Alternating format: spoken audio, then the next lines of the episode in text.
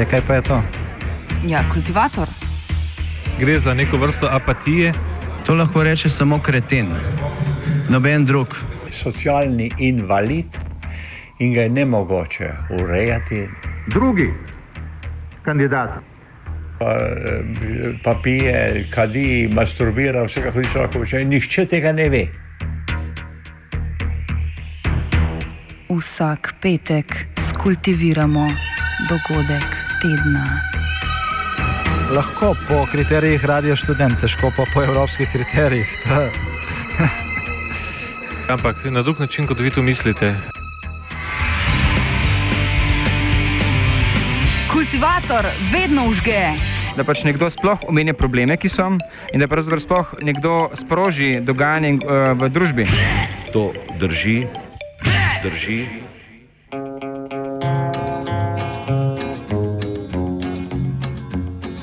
I hear the train a coming, it's rolling around the bend, and I ain't seen the sunshine since I don't know when. I'm stuck in Folsom Prison, and time keeps dragging on. But that train keeps rolling on down to San Antone. When I was just a baby, my mama told me, son, always be a good boy, don't ever play with guns. But I shot a man Svetilniki demokracije za rešetkami. just to watch him die.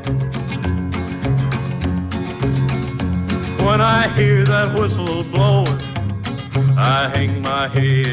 V kongresu Združenih držav Amerike je bil v sredo strani demokratskih senatorjev podan obravnavo tako imenovani Democracy Restoration Act. To je zakon, ki bi na zvezdni ravni zagotavljal takojšno pridobitev volilne pravice ob izpustitvi iz zapora. Zakon, ki je bil v preteklosti že v obravnavi, naslavlja problem oduzema voli- volilne pravice zapornikov, ukrepa, ki se je uveljavil v 18. stoletju kot sredstvo v rokah bogatega, belopoltega sloja za discipliniranje manjšinske populacije afroameričanov. Ta v posameznih zvezdnih državah namreč močno varira, zaradi česar se skuša zakonom določiti avtomatično pridobitev volilne pravice potem, ko zapornik odsluži svojo kazen.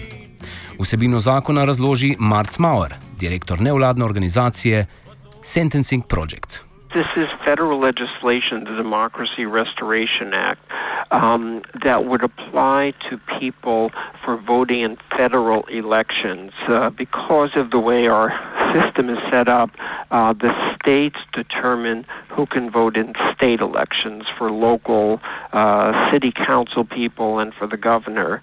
But for federal elections, for members of Congress or the president, um, then Congress can determine those qualifications. So, under the proposed legislation, uh, once a person is let out of prison, uh, they would be eligible to vote in federal elections, even if the state in which they lived in did not permit them to vote in the state election. So, in those states, you would have basically two voter lists. One would be the people can only vote in federal elections, the other would be for people to vote in, in all elections. And that's the goal of this legislation right now. Zakon torej naslavlja problem domnevno univerzalne pravice, ki ostaja pravica zgolj določenih. Medtem ko je bila volilna pravica v 18. stoletju oduzeta ženskam, je afroameričanom in revnim v 19. stoletju njena omejitev delovala predvsem kot mehanizem ohranjanja rasizma. Nov pospešek je proces oduzemanja volilne pravice zapornikom doživel v 80. letih prejšnjega stoletja, ko je oduzem služil kot sredstvo kaznovanja za določen segment prebivalstva. Tu je šlo večinoma za revno, temnopolto prebivalstvo in uživalce drog, ki so bili vključeni v vojno proti drogam. Ozadje razloži Catherine Petus, poznavalka z področja oduzemanja pravic zapornikom. as American citizenship expanded from elite white male property owners and it gradually expanded to include everyone, and it expanded to be instead of a political status of people who could vote and were involved and made policy, it became an administrative status of birthright citizenship, and that happened after the Civil War with the 14th Amendment. then everybody, except of course then blacks, women, Native Americans, became voting citizens. In the 1960s, we had the Civil Rights Act and all the civil rights protests, and African Americans became equal voting citizens. They had more than just the citizen status of having been born in the United States. And that's when disenfranchisement really kicked in in the U.S. It was used a little bit before, a little bit after the Civil War um, to disenfranchise some of the Southern leaders of the, the rebellion, the Confederacy, the elite citizens. But then, when African Americans became equal citizens after the Civil Rights Act and equal voting citizens, that coincided with the beginning of the war on drugs. And then you had penalties which were used for drug possession, um, even small amounts. Even though disenfranchisement could apply to any felony, drug felonies became the major means of disenfranchising African Americans, people of color, and now also women. So, so that's a really quick history of how it went from being a very elite penalty of citizenship to being a penalty that really cuts into um, the most vulnerable voters and citizens in the United States, the majority of whom are people of color and drug people who've been felonized, so to speak, for the possession of drugs. Manjko izenačitve volivne pravice pa v zadnjih desetletjih pridobiva drugačno, ne toliko eksplicitno obliko skozi prepoved volivne pravice zapornikom, ki so v večini ravno afroameričani. Slednji namreč predstavljajo disproporcionalno veliko večino zapornikov. Po nekaterih podatkih je 8 odstotkom vseh odraslih afroameričanov dozeta volivna pravica, medtem ko delež ostalih predstavlja 2 odstotka. Prav tako pa je zaradi vojne proti drogam število zapornikov drastično naraslo, govori Mauer. One of the most significant explanations for the rise in the prison population has been the war on drugs that began in the 1980s. Uh, before that, 1980, there were about 40,000 people in prison or jail for a drug offense. Today, that figure is 500,000. So it's been a dramatic increase. Um, disproportionately, the war on drugs has involved uh, targeting black communities for drug law enforcement, even though different races use drugs at about the same rate. Uh, blacks have been much more likely to be prosecuted for drug offenses, and so those numbers have uh, filled up the courts with African Americans and then translate into disenfranchisement. So African Americans nationally are disenfranchised at about four times the rate as the general population. V posameznih zvezdnih državah se zakonodaja na tem področju sicer močno razlikuje. Uveljavljanje oduzema glasovalne pravice je namreč odvisno od konkretne politične konstelacije, znotraj katere je boj prinesel le kratkoročne rešitve v smeri ohranjanja omenjene pravice. In the United States, um, the right to vote is a function at the state level. So each of the 50 states can develop its own laws around that, and they're very uh, varied if you look at them on terms of felony disenfranchisement. There are two of our states, Maine and Vermont, that don't take away anyone's voting rights so that you can vote even if you're in prison. um, some states only disenfranchise a person when they're in prison, but in 35 states, you also lose your right to vote if you're under community supervision on parole, and in 12 states, you can even lose your right to vote after you complete your sentence. So, for example, an 18 year old in the state of Florida who's convicted of drug possession might be sentenced to a drug treatment program and complete that successfully, and yet that person has lost his voting right for the rest of his life. Um, and the only way you can get that right restored in those states is if you get a special pardon from the governor. And in most states, that's a very difficult thing to obtain.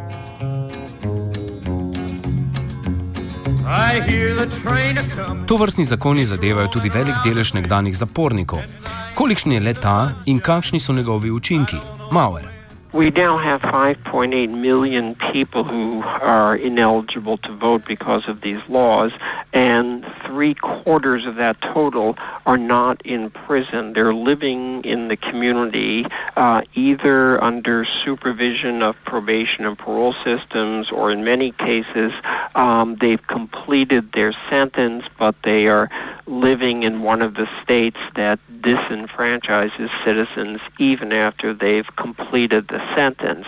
Um, so this is challenging both for democracy and participation, but also in terms of our approach to prisoners. When people come back into the community, we should be trying to integrate them into the community, helping them get jobs, a place to live, and feeling a sense of commitment to the community. And if we prohibit them from voting, then that is treating them like a second class citizen. And that's not uh, a very smart way to uh, try to get people to uh, obey the law and not go back to crime. So I think it's very counterproductive in addition to uh, posing problems uh, about democracy.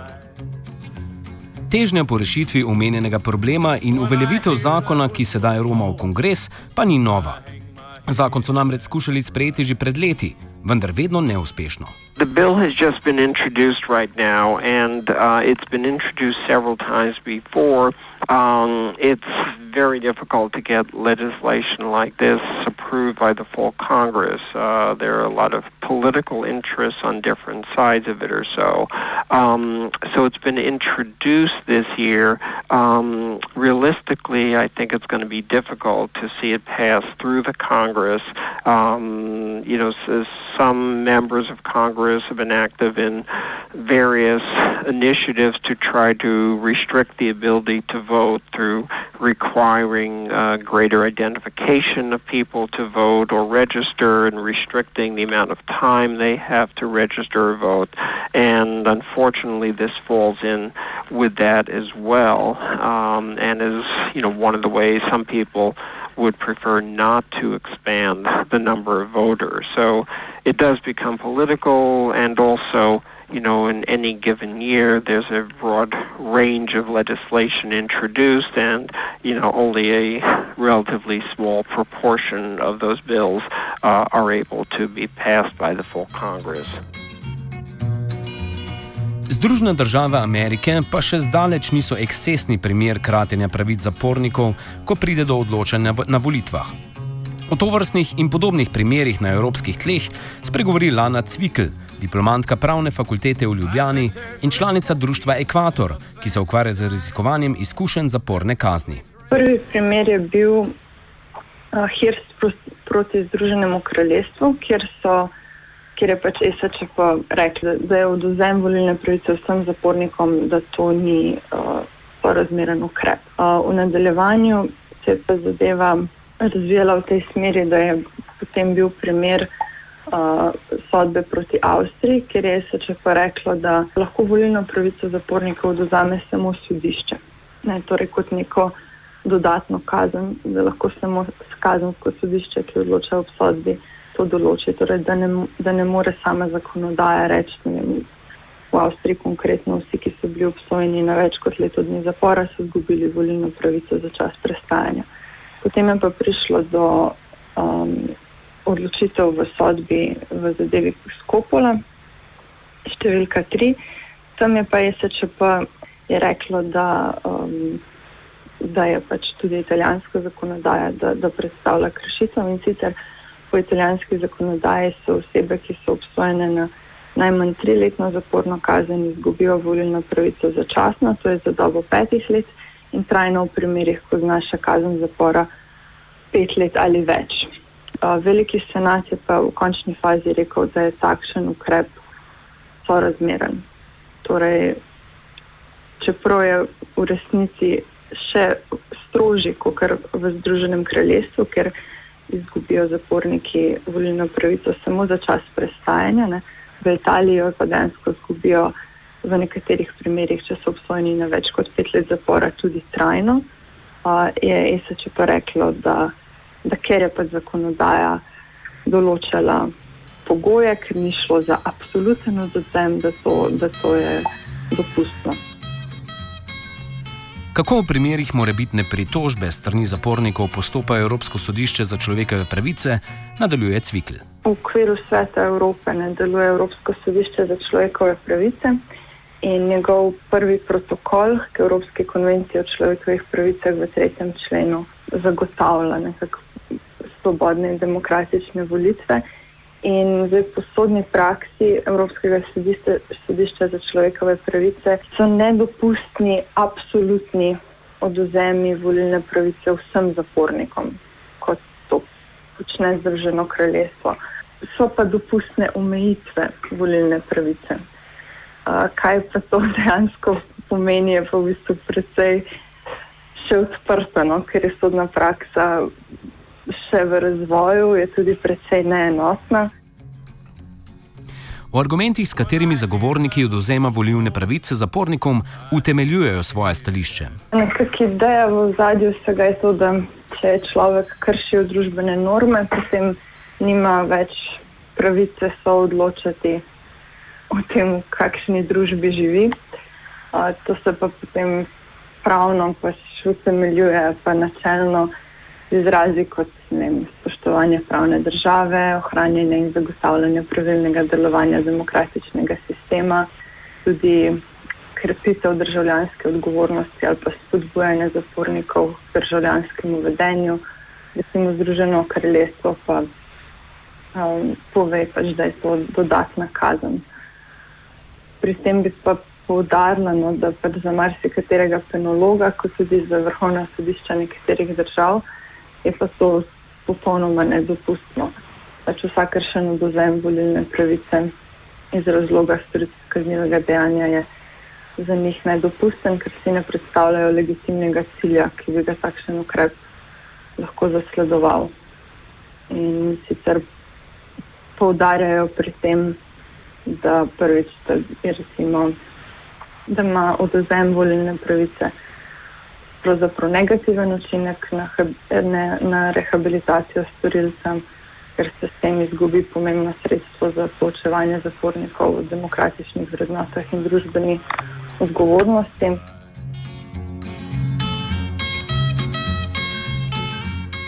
To vrstno retoriko lahko v radikalni različici vidimo predvsem v Veliki Britaniji, kjer je sedajni premijer David Cameron večkrat izrazil svoje nestrinjanje z, z dopustitvijo volilne pravice zapornikom, saj da mu je fizično slabo že ob sami ideji. Ta država je namreč edina v Evropi, ki vsem zapornikom oduzema volilno pravico, zaradi česar je bila že večkrat opomnjena strani Evropskega sodišča za človekove pravice. Omenjeni primer predstavlja Filip Leach, profesor na Univerzi Middlesex v Londonu. The uh, cases concern the blanket ban that we have in the UK on convicted prisoners voting. Uh, at the moment, whilst um, prisoners remain in prison, they they uh, do not have the right to vote, and that's been um, in legislation in this country going back to the most recently the 1980s, but um, before that going back into the into the 19th century. And the uh, Strasbourg court has said uh, since since the mid 90s that um, the a blanket ban like that uh, breaches the European Convention, breaches the uh, the right of free elections in the European Convention on Human Rights. And this has come up in the UK in a number of cases now. Uh, and going back to uh, the mid 2000s, a case called Hearst, and then more recently a case called Greens, in which prisoners directly challenged this blanket ban, and the European Court uh, confirmed in those cases that having a blanket ban, banning every prisoner, every conviction prisoner from, from voting, uh, goes too far.